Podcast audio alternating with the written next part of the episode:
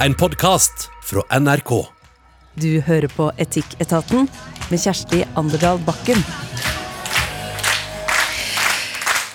Velkommen til Etikketaten på Ole Bull scene. Det er skikkelig stas å se publikum. Vi pleier å liksom sitte i et radiostudio på Tyholt i Trondheim.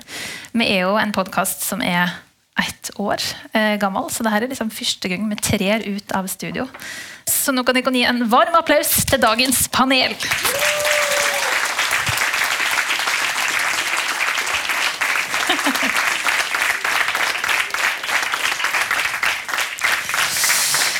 Panelet tar plass i nydelige røde fløyelstoler her på Ole Bull scene i Bergen. Og som alltid så skal panelet vårt diskutere mm, etiske dilemmaer som eh, folk som hører på oss, har sendt til oss.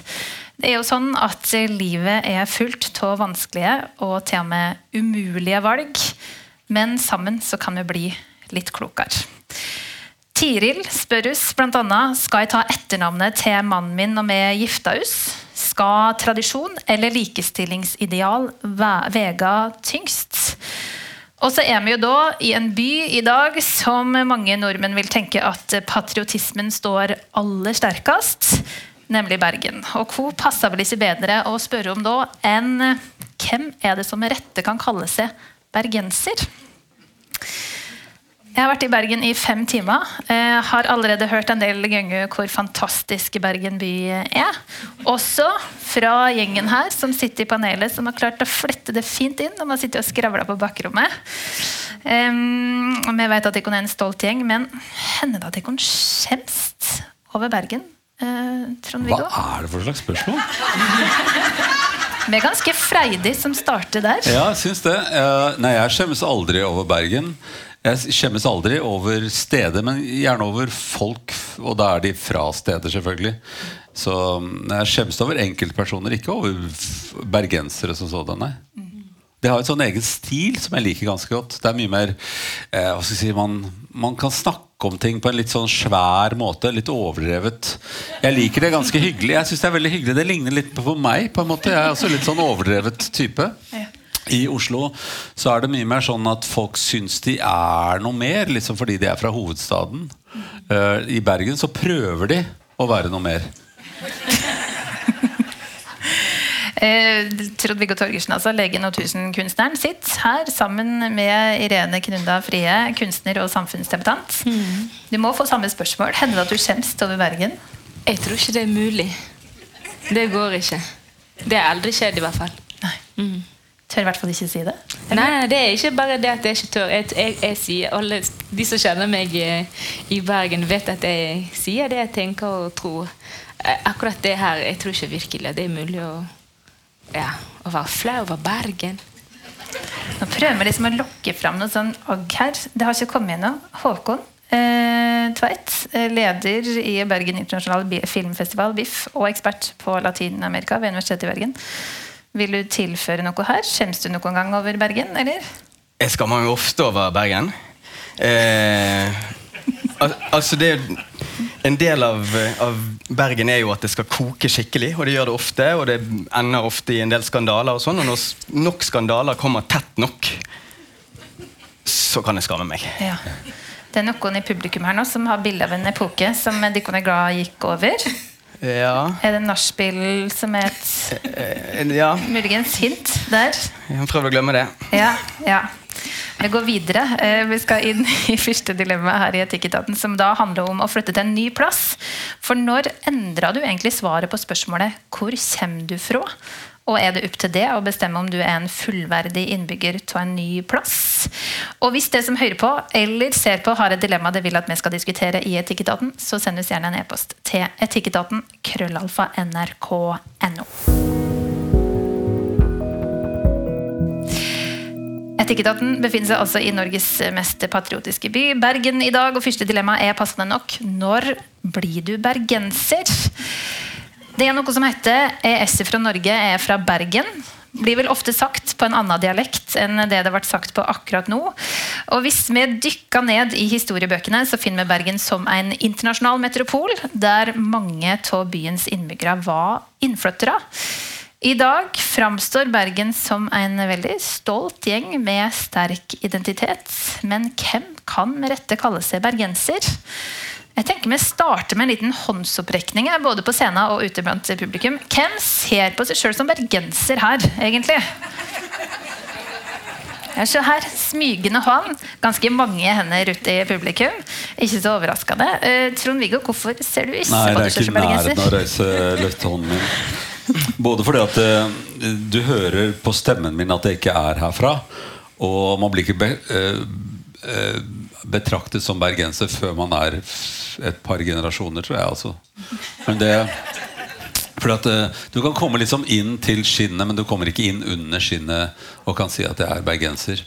Jeg liker alt ved Bergen omtrent, men jeg eh, blir ikke betraktet som bergenser. Og det er fordi at jeg snakker så veldig ubergensk. Hvor lenge har du bodd der? Bodd her i halve livet, og det er for kort. Ja. Og jeg rekker ikke å bo her i hele livet. Så, men jeg er jo født og oppblåst i Oslo, sånn veldig i den delen av byen hvor mange sier 'nu'. Men på 35 år så har du vel lært eh, dialekta hvis du hadde villa bytte? I- Nei, det høres fryktelig tullete ut om jeg snakker bergensk.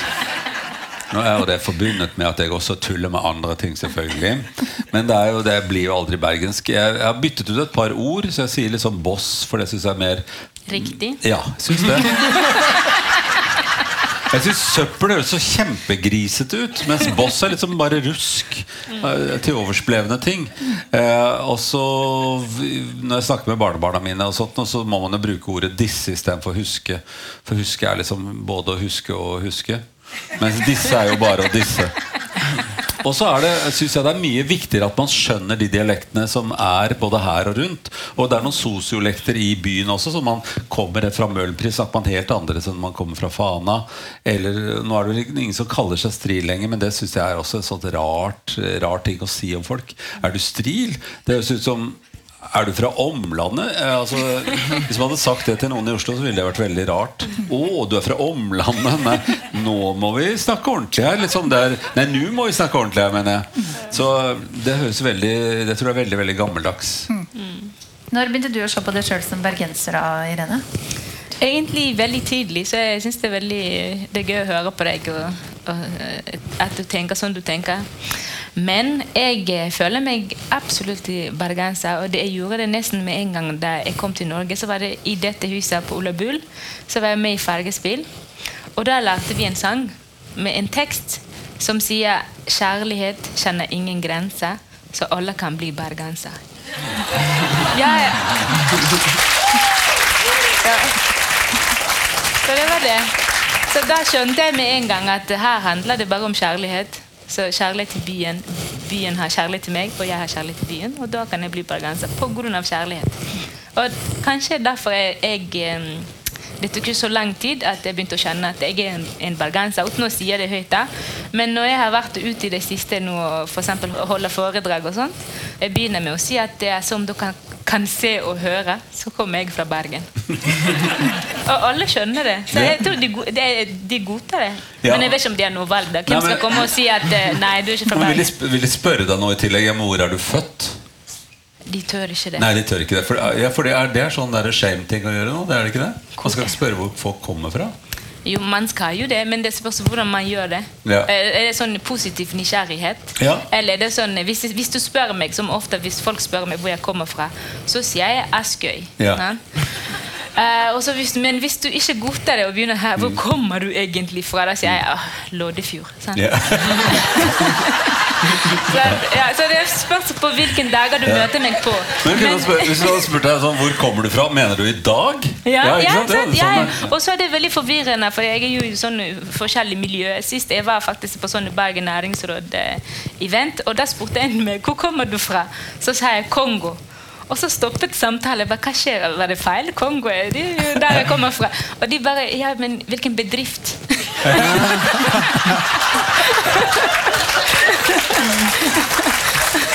Jeg bare sånn ja, ja, ja. Så aldri mer. Hvis noen spør meg hvor jeg kommer fra, jeg skal ikke si det. Det er top secret nå. Men hvordan kjentes det eh, når det gikk opp for deg at nå er jeg bergenser? Hva var det som fikk deg til å skjønne det? Ja, det var faktisk eh, en annen bergenser som sa til meg at hvis du vil bli bergenser, så må du Jeg, hadde, jeg begynte bare å tulle at jeg er bergenser wannabe.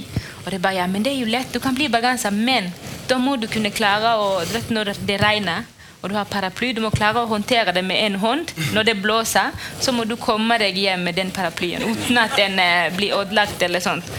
Så, og da gikk jeg, og det blåste bare Yes! Ta-da! Jeg er bergenser. Jeg kan håndtere bergensværet. Ja. Men Håkon, du var litt sånn nølende opp med hånda der. Hva som gjør at du ikke er helt overbevist? Eh, altså, jeg, jeg, jeg er født i Bergen, og jeg, jeg er født i Fyllingsdalen både mine fire første år her. Og, eh, men så bodde jeg seks år på Sunnmøre, tre år på Mallorca, og så flyttet til Os når jeg begynte på ungdomsskolen. Så jeg tenkte alltid at jeg var bergenser, men når jeg flyttet tilbake til Bergen igjen for å studere, og sånn, eh, da ble jeg plutselig sett på som osing, der jeg egentlig hadde vært innvandrer. Og så hadde jeg vært, altså Det første jeg lærte å skrive, var brann, og alt sånt, så jeg hadde vært fullstendig bergenser alltid før. Men På vei bort hit så møtte jeg en, en eh, chommy som sa at eh, her skal en osing snakke om det å være bergenser. Eh, ok, så det, det, Fortsatt etter 20 år så er det vanskelig å, eh, å, å rive Altså komme helt tilbake inn. Men jeg, eh, mitt inntrykk er jo at det, alle kan bli bergensere. Jeg ser for meg at det kan være litt lettere for en kongoleser enn en østlending. Men men jeg, ja, jeg kjenner virkelig bergensere som har vokst, vokst opp her, og som, som snakker ganske likt som deg. Altså. Eh, så det er lov. Ja, akkurat Det er det som kanskje gjør at jeg føler meg bergenser òg. Fordi av og til, spesielt på kveldstid, jeg snakker jo ikke bråkent norsk. Jeg snakker mye bedre norsk på morgenen, ikke for å skryte. Men jeg, jeg pleier allikevel eh, at jeg, jeg blir godtatt som bergenser, selv om jeg snakker sånn som jeg gjør. Mm. Men for oss som ikke er så lokalkjent, Os, hvor langt utafor Bergens grenser må vi bevege oss da? Tre mil, ja. Tre mil. Kommer an på Nyveien, det, da. Tiden ble halvert forrige mandag. Ja. Det, ja. Ja. Er det det som går inn under å være steril? Eller? Ikke historisk sett, egentlig, men, men stril har nok eh, forandret litt mening etter hvert og blitt breiere om alt som er omland, som du kalte det. Eh, sånn jeg forstår det. Eh, de siste 50 årene. Eh, kan det stemme? Noen så Er du enig? Ja. Nettopp. nettopp. Det, det er det som er historisk korrekt. Men det, det det- brukes nok ikke alltid så korrekt, tror jeg. Er det fordi at det var fattigland, liksom? Nei. Oh. Strilekrigen. Ja. Det var noe sånn bønder og opprør mot Danmark. På grunn av eh, Danmark var innunder Danmark. Mye av dette du har sagt nå, kommer til å bli klippet ut. Eh, Jeg sier forstår Lars Fredrik. Men eh, er det du sjøl, altså ditt hjerte, som styrer at du ikke er helt overbevist om det er bergenser, eller er det liksom andre som gir deg motstand på det? Andre sier meg motstand. Ja. Jeg har alltid tenkt at jeg var eh, bergenser, så har jeg blitt litt usikker med årene. Men jeg tenker hvis Irene får lov å være bergenser, så får sikkert jeg egentlig også lov. Ja, ja, ja, ja. Du må jo det. Men jeg, jeg syns det eh, Kanskje som du sa, det er kanskje lettere for en kongoleser. Fordi jeg eh, skjønte at eh, hvis det nærmer seg sånn definisjon av å være en bergenser, det er jo han eh, Ludvig. Hva heter en til? Holberg? Han sa Han duden, dere husker han? Han, Så sa han at Bergen var samling av alle nasjoner. Så det gjorde da som en kongoleser at jeg kommer her og tenker ok, jeg kan bli bergenser hvis jeg vil. Ja. Men det, det tror jeg er en, for, Hvis det er noen forskjell på Oslo og Bergen, så er det sånn at jeg tror folk blir, føler seg mye mer tilpass her, selv om man kommer fra en annen kultur, enn man gjør i Oslo. For da blir man litt sånn segregert og dytta bort til et, et, et hjørne hvor det er andre som ligner på deg. Eh, Og det er noe med Oslos måte å være en innvandrerby på. Altså Mine besteforeldre vandret også inn til Oslo fra omlandet. Og de ble ikke på samme måte godtatt, de heller. Fordi de hadde en annen dialekt. da Det var, var en sånn bønderdialekt. Liksom. Det er sikkert litt sånn som strilene. Eh, blir, vi er i ferd med å bli vannet ut på en veldig god måte. Da. Nå blir blandingen en helt ny type nordmenn. Som jeg liker godt at vi nå blir. Og Derfor syns jeg at det er vanskelig å si at jeg er bergenser. Jeg syns det er greit å si at jeg er nordmann. Det holder at jeg er mann, egentlig. Jeg snakker dette språket ganske godt, og jeg er fra Norge, og jeg er mann. Det må jo holde. Men du har sagt til meg, Irene, at du føler deg som bergenser, men du føler deg ikke norsk. Nei, absolutt ikke. Jeg har aldri gjort. Hvorfor, hvorfor følte du fortere at du ble bergenser enn norsk? Jeg tror det er kanskje fordi, igjen som eh, nevnt, at når jeg kom, så begynner jeg i fargespill, der jeg ble fortalt at jeg kan bli en bergenser. Men når, jeg, når det skal snakke om innvandringspolitikk og integrering som går dårlig, så føler jeg aldri sånn nesten velkommen. Veldig sjelden. Det er nesten som jeg er en byrde eller uh, Velkommen, kanskje. Uh, så det er sånne ting som gjør at jeg har ikke følt meg norsk. Men eh, jeg har følt meg bergenser fordi igjen jeg har liksom eh, Jeg har fått så mye støtte da, og kjærlighet i Bergen, så jeg er en del av fellesskap. Og eh, jeg får lov til å være meg selv her, på en måte. Jeg tror det har like mye med deg å gjøre. Har det? Ja. Du er veldig elskbar.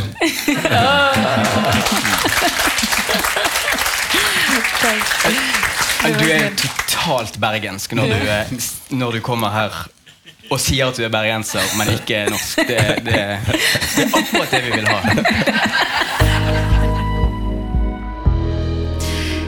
Vi skal videre til neste dilemma med her i Etikketaten, og det handler om en annen type stolthet, nemlig stoltheten knytt til eget navn. Her sammen med meg på scenen i Bergen sitter altså eh, Torgersen av Frie og Tveit, legen, kunstneren og lektoren, og det skal handle om etternavn. I et innlegg i Avisa Oslo har Tiril Hartvin skrevet om et eh, dilemma hun sto i da hun skulle gifte seg med mannen sin. Alt var på plass, med unntak av én ting. Skal hun bytte etternavn, eller skal hun beholde navnet som hun allerede har? Hun skriver at et gode argument på begge sider. Å bevare pikenavnet vil jo videreføre hennes familienavn. Det er mye mindre styr og blir sett på som mer moderne og mer rett, særlig av andre kvinner. Men hun kjenner det er mest fristende å ta mannen sitt etternavn for å vise han at hun mener alvor. Hun ønsker at de skal ha bare ett familienavn, som da vil binde dem tettere sammen. Så spørsmålet er skal Tiril lytte til sitt eget hjerte og ta hans etternavn? Eller skal hun følge det norske likestillingsidealet og beholde navnet sitt? Irene, du bytta navn da du Yes. gifta deg. Mm. Eller etterpå jeg, ple- jeg byttet, så eh, pleier jeg å tenke at jeg gjorde det i armetåke.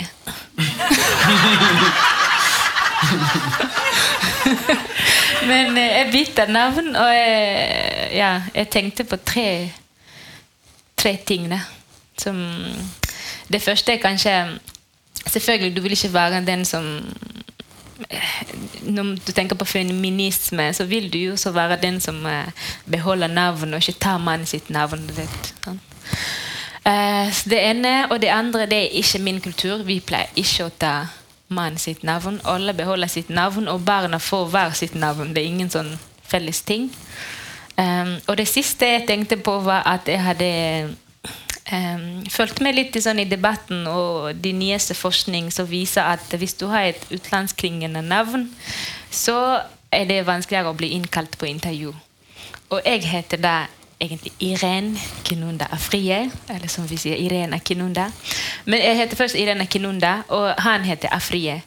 Og da tenkte jeg, skal jeg ha da enda et sånn afrikansk etternavn på min afrikanske etternavn, da kommer jeg i hvert fall aldri til å jobbe.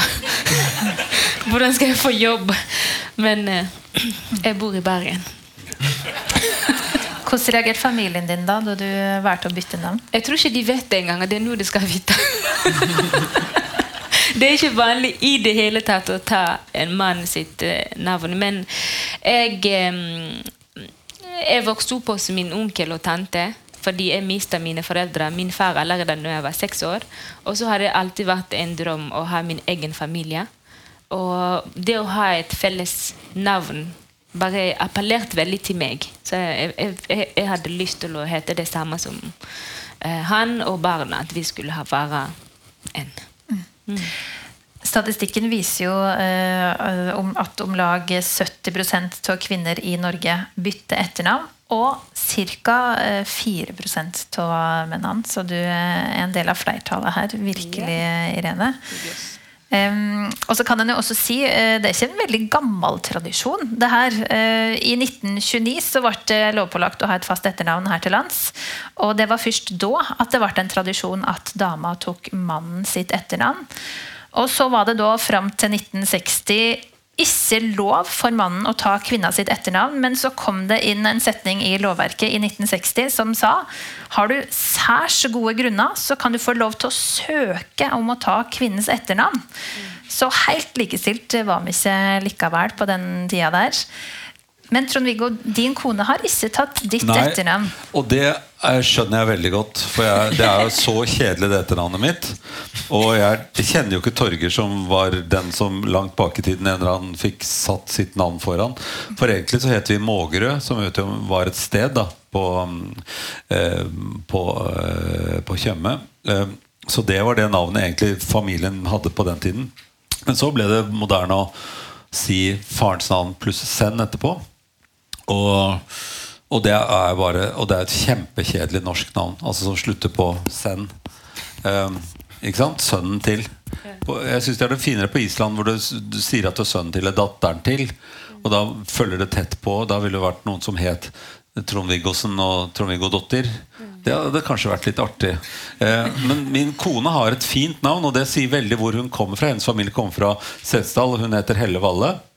Som egentlig da uttales Hedde Vadde der nede, da. Men det ble jo bare tull. Og så var det veldig sånn diskusjon Skal vi ta ett av dette her. For dette er jo veldig mange ledd etter hvert. Og vi var begge irritert på alle som hadde sånn der navn bak et navn bak et navn øh, med et dobbelt fornavn. Og det høres ut som kongelig etter hvert. Med sånne kjempelange streker. Um, så noen trodde at vi skulle hete Hellevalle Viggo eller noe sånt. Noe som hørtes så helt merkelig ut. Og Hellevalle Torgersen blir jo veldig tullete. Så da fant vi ut at for å lage et nytt system. Så Hvis vi får sønner, så kan de hete det jeg heter. Og så får vi døtre, så kan de hete det du heter. Så vi tar vi vare på navnet på en eller annen måte. Og så har vi to døtre og én sønn. Som da også heter noe forskjellig. Så vi heter jo ikke det samme i vår familie, noen av oss, på en måte. Eh, som også er et annet rot. Her har jo spanske land funnet sin egen uh, formel. Mm. Hvordan funker den? Eh, I spanskspråklige land så er tradisjonen at alle som blir født, får to etternavn. Det første er faren sitt, det andre er moren sitt, men da eh, fedrene deres sitt.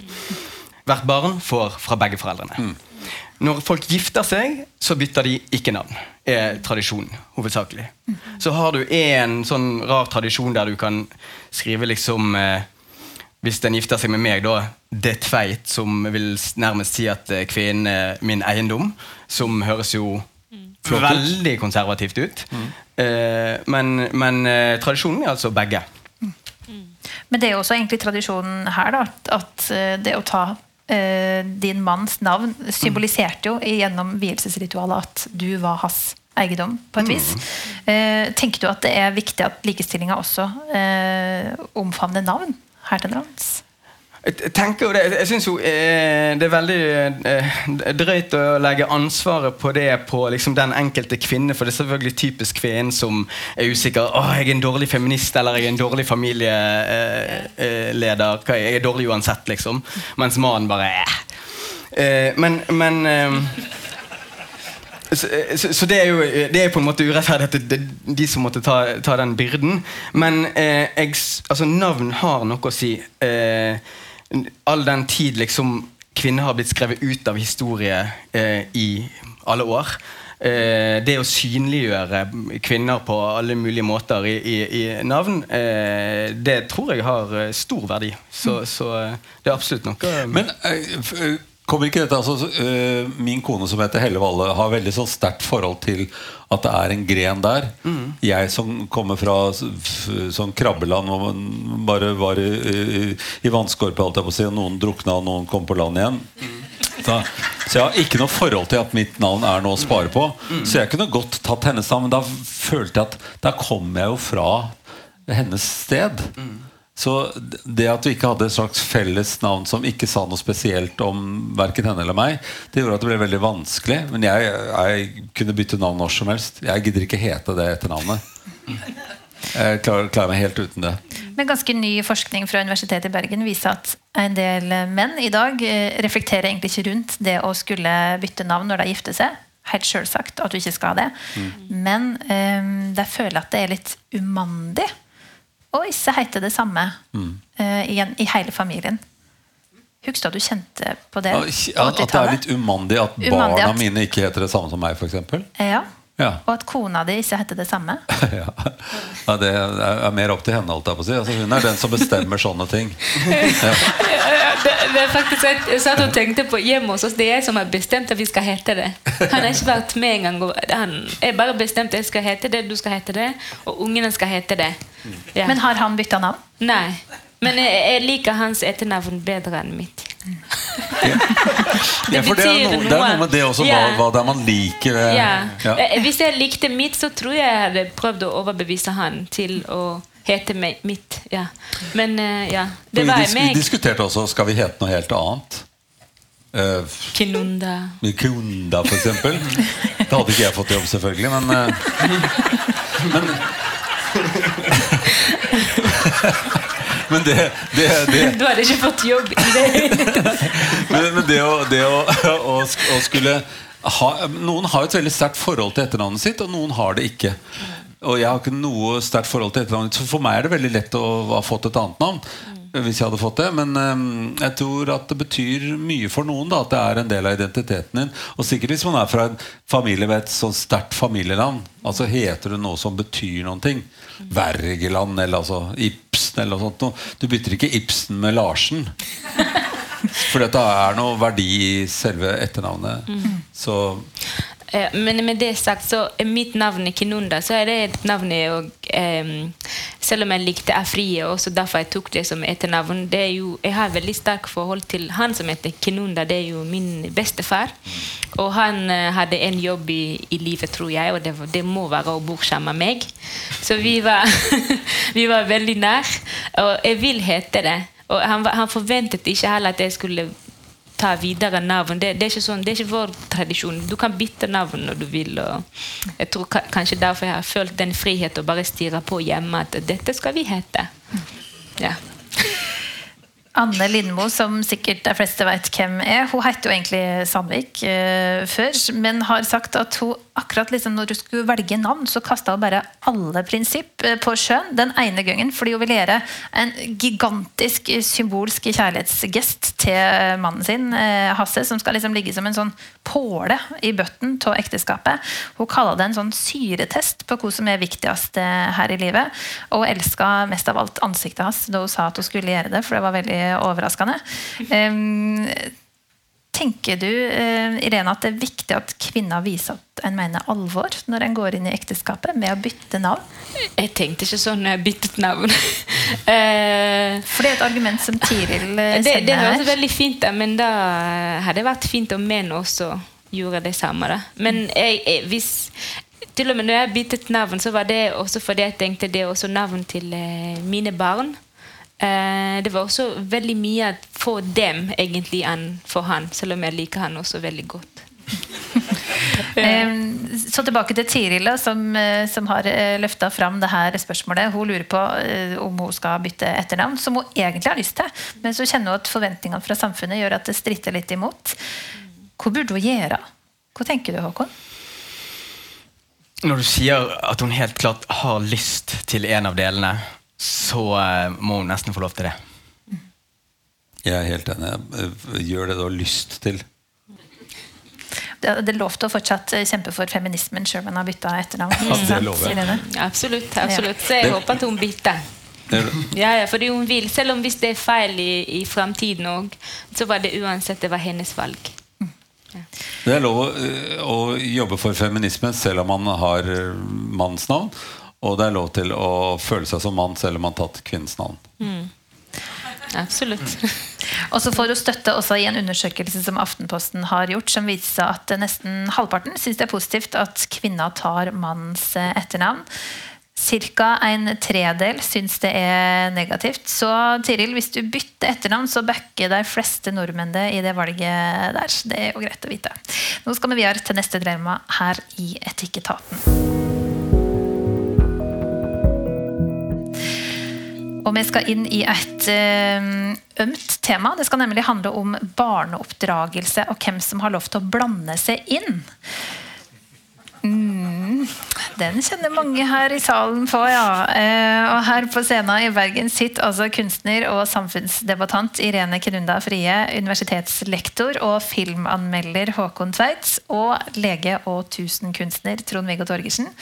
Jeg heter Kjersti Anderdal Bakken. Hei, står det her. Jeg er mormor til en gutt på tolv år, og jeg er veldig uenig i måten foreldra oppdrar han på. Men jeg vet at det her er å stikke handa ned i et kvepsebord. Sjøl har jeg alltid vært rasende på min mor når hun har irettesett meg fordi jeg har gjort noe feil. Så derfor har jeg nå fram til nå latt være å si noe. Jeg mener gutten er bortskjemt fordi han får alt han peker på. Nå senest joggesko til over 2000 kroner som han i ettertid ikke brukte fordi de var vonde. Han går òg på kafé med venner etter skolen flere dager i uka, og foreldra betaler. Det er vanskelig for hos besteforeldre å gi han noe han verdsetter, siden han får alt han ønsker seg av foreldra sine. Og jeg syns ikke at det virka som han verdsetter tinga han får, heller. Det er ei lite sjarmerende holdning. Hvordan kan jeg ta opp det her uten at det blir bråk? Eller bør jeg bare la det ligge? Helsing mormor, som legger til at det her er en familie med helt eh, vanlig økonomi. Trond-Viggo, du er bestefar. Det var meg som fikk den rett i ansiktet. Ja. ja, Feller du for fristelsen å kommentere oppdragelsen av barnebarn? Nei, altså jeg mener at jeg svært lite gjør det. Jeg, jeg kan ikke skjønne hvorfor jeg skal gjøre det. For jeg syns at mine barn er veldig flinke med å oppdra sine barn på, på den måten de syns er riktig. Eh, jeg syns allikevel at jeg har det privilegium å være bestefar. At vi hos oss kan gjøre det sånn som vi har lyst til. Altså Da, er det sånn de må vaske hendene før de spiser og sånt nå. Uh, og, da, og da gjør vi det som en sånn rutine. Og, men de er jo godt oppdratt, vil jeg si. Uh, så har de jo selvfølgelig noen ting som er veldig annerledes enn sånn vi hadde det hjemme hos oss. Og det syns jeg sånn skal det være. Men jeg syns stort sett at eh, Neste generasjon er minst like flinke til å oppdra barna sine som det vi er. Og hvis det er noe jeg er uenig i, så går det an å ta det opp med mine barn. Og ikke mine barnebarn. Bare ta det opp som en diskusjon. Og mer som en sånn spørrende 'Hvorfor gjør dere sånn?' Og 'Har dere tenkt på at det kanskje kan føre til det?' Eller altså sånne ting. Um, men Og så tror jeg det er Man kanskje ser sånne ting som man Når man blir eldre, så blir man også litt sær på en del ting. Uh, og at man skal kanskje myse litt mer på hvordan det gjøres i neste generasjon. Ikke blande seg så mye. Det er nå min, min holdning. Hvordan reagerer det du, Irene, hvis besteforeldre kritiserer oppdragelsen til ungene dine? Eh, nå eh, må jeg si først at det kommer fra en som ikke har noen besteforeldre som blander seg. Eh, min mann har ikke foreldre. Hans foreldre er døde, mine foreldre er døde, så det er bare vi som eh, oppdrar ungene våre. Men, så det kommer fra en sånn synspunkt. I, for meg så gir det mening at besteforeldre skal selvfølgelig blande seg i barneoppdragelse. Ikke i at du må kritisere nødvendigvis, men må jo komme med, med råd. Fordi hvis du kommer med råd, man må ikke ta det.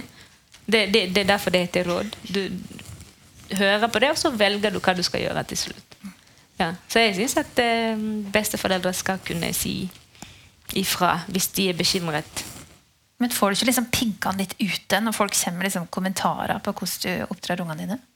Nei, absolutt ikke. Jeg, jeg syns ikke det. For jeg, eh, jeg, jeg, jeg tror jeg skal bli nabokjerring i fremtiden. Jeg ser det. Jeg har ingen problem hvis en ser noe og sier ifra, og jeg sier ifra hvis jeg ser noe. Ja da. Det, hvorfor skal vi Barna skal jo de, de, de, skal være barn, og de de skal veiledes av eh, sine foreldre. Og eh, man kan komme med råd. Det, jeg ser ikke på det som et kritikk. Hvis noen kommer og, ser, og sier til meg nå må ungen din kanskje passe seg har 3000 sko. Han har ikke jobb engang. Han bor hjemme hos meg. No. Det kan ikke gå. Håkon, er det fristende som en som ikke har eh, egne unger, å kommentere på barneoppdragelsen til andre? Eh, jeg gjør vel eh, ikke det. Du kan helst begynne med det. være. Og så, du kan begynne med det, så kan du si Irene sa det var Ja, greit. ja. I- Irene sa det var greit. Jeg skylder på deg. ja. Men eh, Nei, jeg, jeg, jeg, jeg tror helst skal det være. Men eh, det er jeg, jeg, vet, jeg tror det er en eh, eh, det, det høres ut som det er litt forskjellige tradisjoner, på en måte som er jo eh, helt fint. Det det er ulike kulturer, egentlig, ulike måter å gjøre det på, som er bra. Jeg kjenner kanskje mer igjen det du sier fra, fra Latin-Amerika og sånn. Eh, eh, siden jeg ikke har barn sjøl, så spurte jeg noen eh, et veldig lite representativt utvalg på puben. Og de sa et rungende nei. Eh, at det, det skulle de absolutt ikke blande seg i. Med mindre det var noe riv ruskende galt. altså. Eh, men jeg, tenker de, de spørsmålene hun har, eh, er jo veldig store og veldig legitime. Altså det, det handler jo egentlig om eh, eh, hvordan en ødelegger kloden, og, eh, og, og hvordan en lever sammen i, sosialt i samfunnet. sånn. Så, så jeg ville jo absolutt støttet henne i å ta en prat med, med Ja. Så- jeg synes det, skal, det skal være stor forskjell fra at egen fremmed går og kommenterer. Og her er det en bestemor. Det er familier som kommenterer på familie. Det kommer fra kjærlighet. Kanskje jeg som fremmed har ikke hele bildet. Det er derfor vi skal være forsiktige med å gå og kommentere på andre sin barneoppdragelse. Fordi du vet ikke hvorfor den unge oppfører seg sånn, kanskje på butikken, legger seg der og skriker, og du syns kanskje det ikke er bra, men du går ikke og bare Hæ, nå må du passe deg! Sånn. Eh, men det, det å gå for langt hvis besteforeldrene ikke kan si noe. Men det, det kommer litt an på hvordan man gjør det. selvfølgelig Når du Ja. sier, eh, man tar det som et råd, så høres- det ut som en diskusjon som man liksom kommer med. At dette her vil jeg, vil jeg, kan det føre til Eller «Ja, jeg ville gjort det på denne måten, eller syns du det høres dumt ut? Eller sånne ting. Så det er mer når man er uenig om et prinsipp, at eh, at, at kanskje besteforeldrene bør være litt forsiktige med hvordan de intervenerer. Da. Er dette noe jeg presser på deg, eller er det noe jeg faktisk av kjærlighet råder deg til? Eh, og da må man tenke seg godt om som besteforeldre, ikke bare gripe inn. Liksom, eller, eh, eh, og når det er sånne ting som å kjøpe altfor dyre ting til barna sine, så, så det er en ting i tiden synes jeg at, eh, at man kanskje kjøper litt for mye til. Og barn har altfor mange leker som de bruker altfor kort tid, for eksempel, som er et sånt overflodsproblem som vi har hos oss. da. Som er noe besteforeldre da kan eh, si noe på. Jeg syns man skal si det, men da ikke nødvendigvis når barna hører på. og sånt Men altså, for eksempel det hun sier, at eh, det er, nå, nå har ikke vi noe vi kan gi, fordi at de har så mye. Eh, kanskje besteforeldre da må tenke på Skal vi gi noe annet enn ting? Eh, skal vi gi noen opplevelser eller noe tid eller noe sånt noe som de kan ha en annen type glede av? Når det er sånn at de har kanskje litt for mange ting som er erstatning for noen andre ting. da Men må det gå uh, via foreldra hvis eh, mormor vil overføre sine verdier til denne ungen? Eller kan hun uh, snikmoralisere på et vis? Hvis foreldrene ikke hører på, hun må snike. Ja, for det, hun, det er jo hennes barnebarn, og hun vil at han skal bli ordentlig. Ja, jeg er sånn. Det er sånn jeg tenker. Ja, ja. Ja, absolutt. Og jeg synes, det- men det handler om både hvor man er. Altså, jeg mener at i vårt hus så er det litt våre regler som gjelder. Eh, og så kan de gjøre det annerledes andre steder. Men altså når de er hos oss, så lærer de sånn som vi pleier å lære bort. Eh, Så hvis du da har et bortskjemt eh, barnebarn, da, hypotetisk sett, eh, kunne du da komme med en liten tale om at vi må ta hensyn til klima og miljø, f.eks., og ja, det, ville, det var antakeligvis barnebarnet gjort hos oss. Eh, sånn at, for dette, man er, det, er jo, det er jo det at vi er veldig vi, vi er jo flere som skal oppdra hverandre. Og noen av besteforeldregenerasjonen trenger virkelig en del oppdragelse, de også, som de kan få fra neste generasjon. Så det er å bli minnet litt på det fra begge sider. Jeg liker den applausen. Det må jo gå noe tapt hvis vi ikke kan stå på skuldrene til generasjonene før. Ja, det, men det er også sånn at det går noe tapt hvis man ikke hører på neste generasjon. Så det, det, Man trenger en dialog. Akkurat som menn må høre på damer, og damer må høre på menn, så må også vi høre på barna når de sier fra om ting som de syns er dumt eller farlig. Hvordan kan mormor ta det opp, tenker du, Håkon? Eh, den snikmoraliseringen sånn, via, via liksom å være et forbilde og, sånn, og, og formidle vi, eh, noen verdier når en er hos mormor, mm. syns jeg var en god plan. Altså. Men uh, hvis det er uh, hvis det er alvorlig nok, så, så høres jo en litt sånn alvorsprat direkte med foreldrene, foreldrene som altså er ungene, sant? Eh, eh, og helt greit ut. Jeg syns i det hele tatt man burde prate ganske mye mer enn å gjøre en del sånn barneoppdragelse. Og som du sier, med kjærlighet så kommer man veldig langt. Men veldig ofte så er jo det man irriterer seg over som nybakte foreldre, er jo at mor og far står og skal fortelle deg hvordan du skal gjøre det. Og det blir ofte en sånn negativ moralisering. Da, at det, eh, det syns ikke jeg er noe særlig gøy. Men da du var barneombud, så kjempa du for den eh, saken Altså, her og skapte litt reaksjoner. Ja, jeg, jeg sa jo at eh, besteforeldre bør ikke legge seg så mye opp i oppdragelsen av barnebarna. Og det ble det veldig mye sur, surmuling av. altså Veldig mange besteforeldre som syntes det var veldig feil. Eh, men jeg fikk jo ikke sagt hele setningen som jeg nå har fått sagt mye av den setningen. da At jeg syns det skal være en dialog. Fordi at det går begge veier, og verden går fremover. Og neste generasjon har noe å lære forrige generasjon, og omvendt.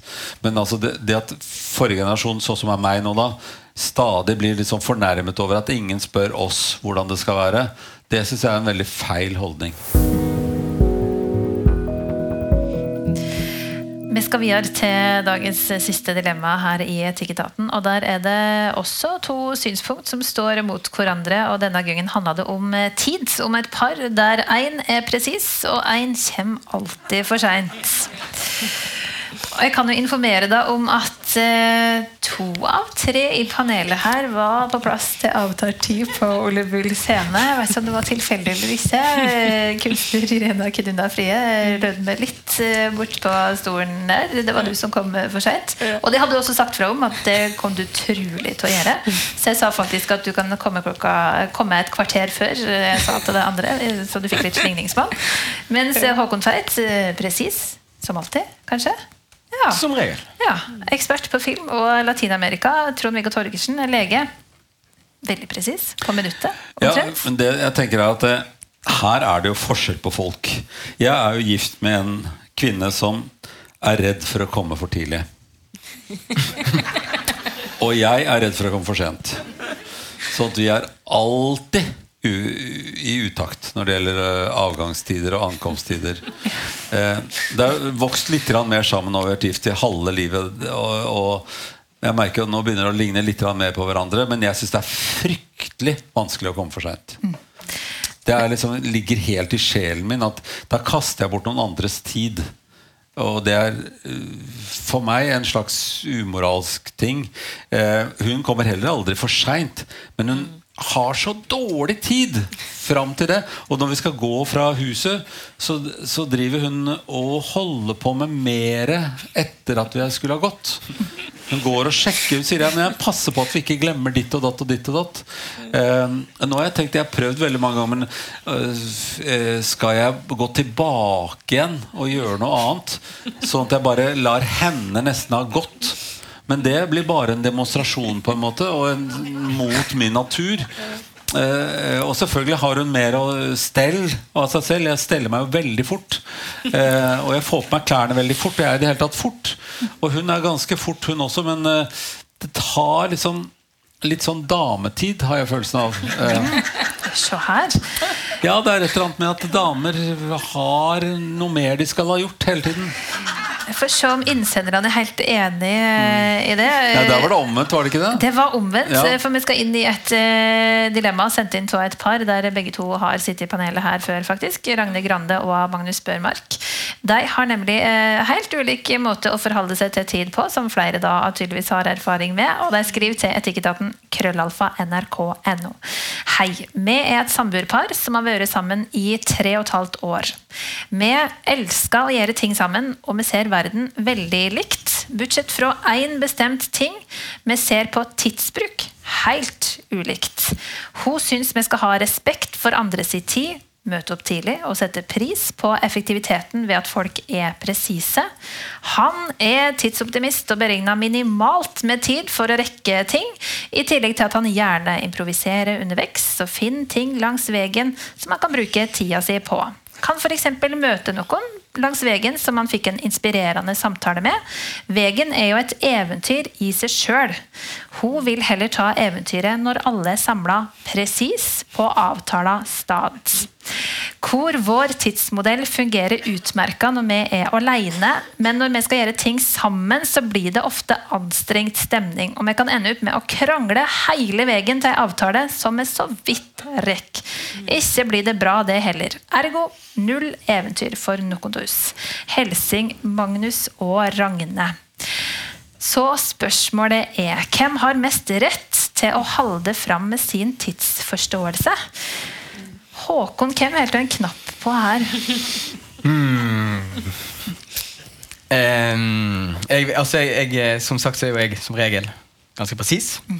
Um, men det hører altså på et eller annet uh, vis så må en jo bli diplomatisk. Et, jeg, jeg tror nesten en må Nesten istedenfor å møtes på halvveien må en liksom splitte litt opp og prøve å bli enige om Ok, når er det vi virkelig må være presis, og når er det ikke så nøye.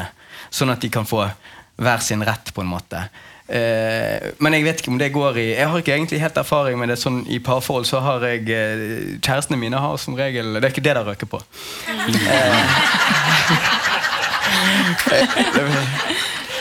Vi, vi har ikke kranglet om tid.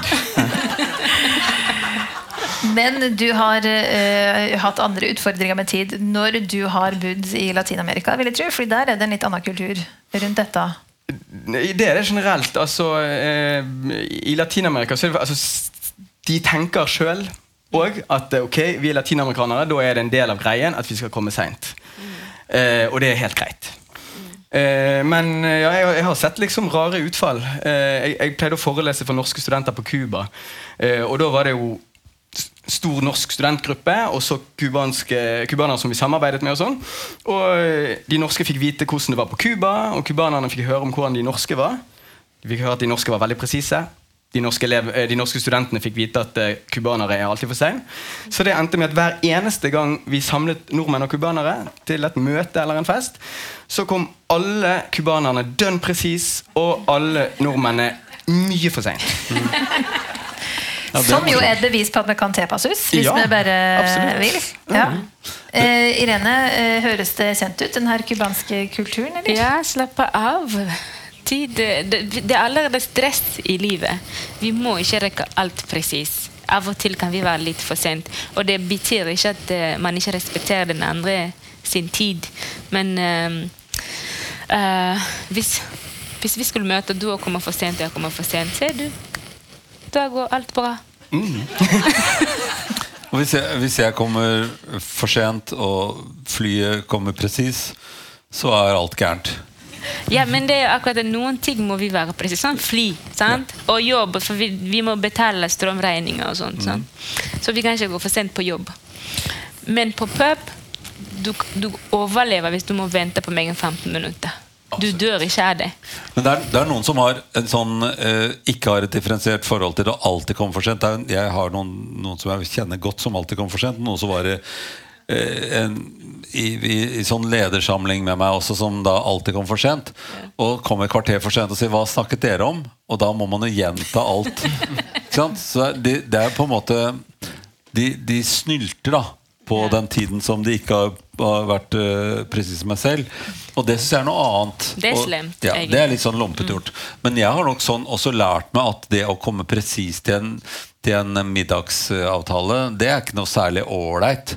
For da er de kanskje ikke ferdig med å lage middagen. Eh, og det var og det, er- Jeg kommer fra en familie hvor det at man, man ble bedt på, til middag klokka fem. Så satt man ved bordet klokka fem, og så kom varm fisk, eller altså kom maten eh, servert da. Og den familien jeg kommet inn i med kona mi, der var det sånn at når alle var kommet, da begynte man å lage middag. Og det var to vidt forskjellige. Og sånn ser det ut. Sånn er vi også fremdeles. At jeg har vanskeligheter med å komme inn. Jeg liker gjerne at folk kommer, og at vi spiser liksom når maten er varm. Mens for henne så er det ikke så viktig om, om, om de kan komme en stund etter. Og det er også sånn splittet vår, våre barnsfamilier også. At de kommer også litt sånn i hutt i heita. Noen kommer presis, og noen kommer etterpå. Så det er noen steder hvor det er um, greit å koordinere seg. Andre steder er jeg helt enig med han at hvis man treffer noen det er hyggelig å prate med, så går nå tida, og det, da er det kanskje, kanskje inspirerende ting som har skjedd. Så det er jo noen, noen ting man må kunne somle seg koselig med. Men sånne liv som jeg lever mye av, er at sendingen altså, Når sendingen går, så går det ikke an å komme litt sånn etter hvert. Litt sånn lat latinamerikansk, på en måte. Da, da begynner det. Og sånn gjør det med fly og tog og sånt, noe som jeg også skal rekke. Så da liker jeg heller å være litt forut. Men det er noen som liksom har matpakke på flyplassen, og det er litt for tidlig. Det bør ikke komme en og en halv time før et norsk fly går. Men, Eh, men for en som er ofte for sent, det er faktisk veldig ofte ikke med vilje. Jeg, jeg, har aldri, jeg kommer for sent, men som ofte det er ikke planen. Hva skjedde da i det kvarteret du var for seint til å komme hit til Ole Bull? Vel, jeg parkerte på Fargespillhuset, og lyset var på. Jeg må jo se hvem som er i huset. Det er søndag i dag. Så jeg kikker der, og jeg, jeg vil ikke de skal se meg, så jeg må kikke litt distré samtidig. Og så eh, kom jeg, og så så jeg fyrverkeri på, fra Festplassen. Jeg bare oh, må ta video. sant?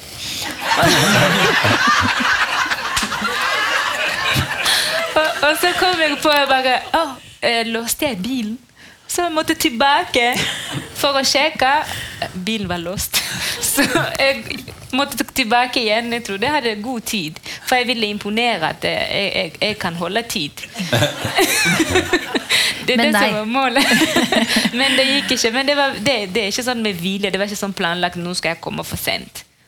Nei. Men du kunne også på en måte uh, gitt blaffen i fyrverkeriet, gitt blaffen at det var lys i det huset, og bare tenkt klokka er 17.58, jeg skal rekke dit til klokka seks. Jo, jeg har tenkt det hele tiden at jeg skal rekke klokken seks, fordi Ja. jeg kan jo løpe også. sant? Så jeg rekker å ta den videoen og løpe samtidig. Og rekker det. Så jeg trodde jeg rekker begge to. Ja. Men har du, Håkon, som da er veldig presis, eh, reagert på at folk eh, kommer for seint? Har du liksom sagt fra og satt deg litt på plass? Nei, altså noen Jeg har noen venner som jeg vet at absolutt aldri kommer til å komme tidsnok. Eh, så hvis jeg skal møte de, så har jeg med meg en god bok eller en avis. eller noe sånt. Eh, men det, da er det jo ikke i en, i en jobbsammenheng. Altså, i, eh, som Irene sa, så er jo det to litt forskjellige verdener. Men når blir det umoralskt? Nei, Jeg syns ikke det blir umoralsk å komme for seint. Det går jo stort sett utover deg selv at du kom for sent. Så um, jeg syns kanskje Jeg synes det er litt lumpent hvis du bruker det som status. Jeg kommer sist, sånn at jeg kan være den som liksom får entreen. holdt jeg på å si Alle må ta hensyn til meg. Utover det så syns jeg at man skal ta stort sett hensyn til hverandre. Det hadde vært fint hvis det var sånn annenhver gang at noen kom for seint og for tidlig. Eh, Men så lenge du må ta med deg en bok for at du skal møte en venn, så tenker jeg at det er å ta litt for mye hensyn. Hvis du, hvis du, tar, hvis du sier at ja, men jeg koser, og endelig kan jeg få lest litt i en bok, så ville det vært greit. Hvis det er, men du må ha med deg bok fordi at han skal ta så mye hensyn til, da syns jeg kanskje vi er over på en, et moralsk dilemma. da. Men African time er eh, en greie, ikke sant? Eh, hvordan funker det i Kongo når du skal for eksempel eh, invitere til familieselskap? da? Eh, når, når lager du maten? Når eh, dekker du bordet? Eh, Hvis jeg inviterer klokken fire, da kan jeg lage mat klokken fem. Jeg begynner å lage mat Kommer noen klokka fire? Nei. Ingen. Hvis de hadde dukket opp, så hadde jeg blitt kjempebekymret. Ja, hva skjer? Hvorfor er du her? Hva forferdelig skjedd? Klokken er bare fire. Men det er jo veldig ryddig og effektivt å ha liksom et samfunn der Ok, vi kan servere maten fem over fire, da, Fordi da er folk på plass. Ja, for, ja, ja, for det, det er veldig sånn skikkelig ingen stress. Ingen stress når eh, min familie kommer på besøk, for jeg vet jeg har god tid. Jeg reker det jeg reker. De kommer og tar det de får ferdig. Ingen stress. Ja. Det høres jo veldig deilig ut. Det er det. Men hva Men- gjør du hvis, hvis, eh, hvis du har invitert til middag klokken fire og begynner å lage middag klokken fem, og den er ferdig sånn cirka seks? hva, hvis de kommer og er veldig sultne klokken fire, hva gjør du da? Det har aldri skjedd. Å nei. De kommer i hvert fall fra klokken seks. Ja. Men eh, hvordan funker det i Latin-Amerika når ting er litt sånn flytende? Bussen går når det passer for bussjåføren. Eh, hvordan henger liksom samfunnet sammen?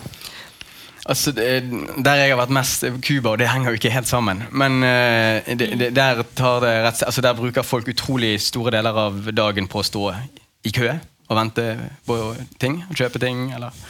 Og eh, det kollektivsystemet er òg helt 100% uforutsigbart. Og om du i det hele tatt kommer deg til jobb, er liksom ikke helt sikkert.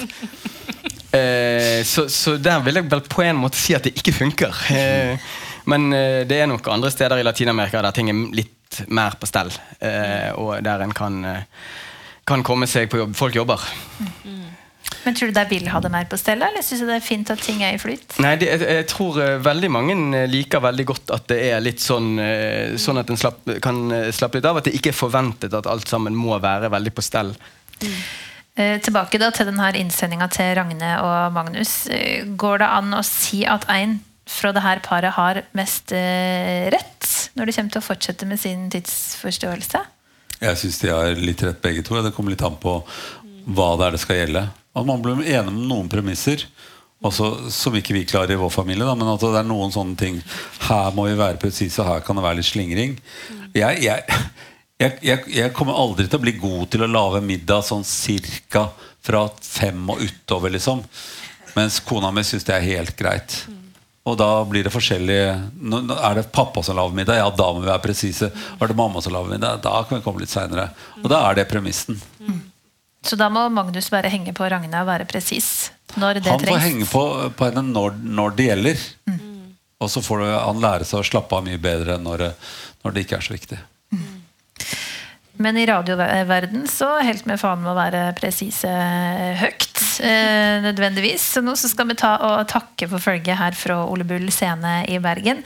Tusen takk for at dere kom. Trond-Viggo Torgersen, eh, multikunstner og lege. Håkon Tveit, leder i Bergen internasjonale filmfestival og universitetslektor ved Universitetet i Bergen. Og Irene Kedunda Afrie, kunstner og samfunnsdebattant. Og tusen hjertelig takk til publikum som kom hit i dag. Tusen takk til Ole Bull Scene som inviterte oss hit. Og tusen hjertelig takk til Bård Larsen, tekniker. Helt bakerst i lokalet. Så hører en oss på NRK P2 Kor torsdag, og når som helst som podkast i appen NRK Radio. Jeg heter Kjersti Anderdal Bakken. Vi høres. Takk for at dere kom, alle sammen.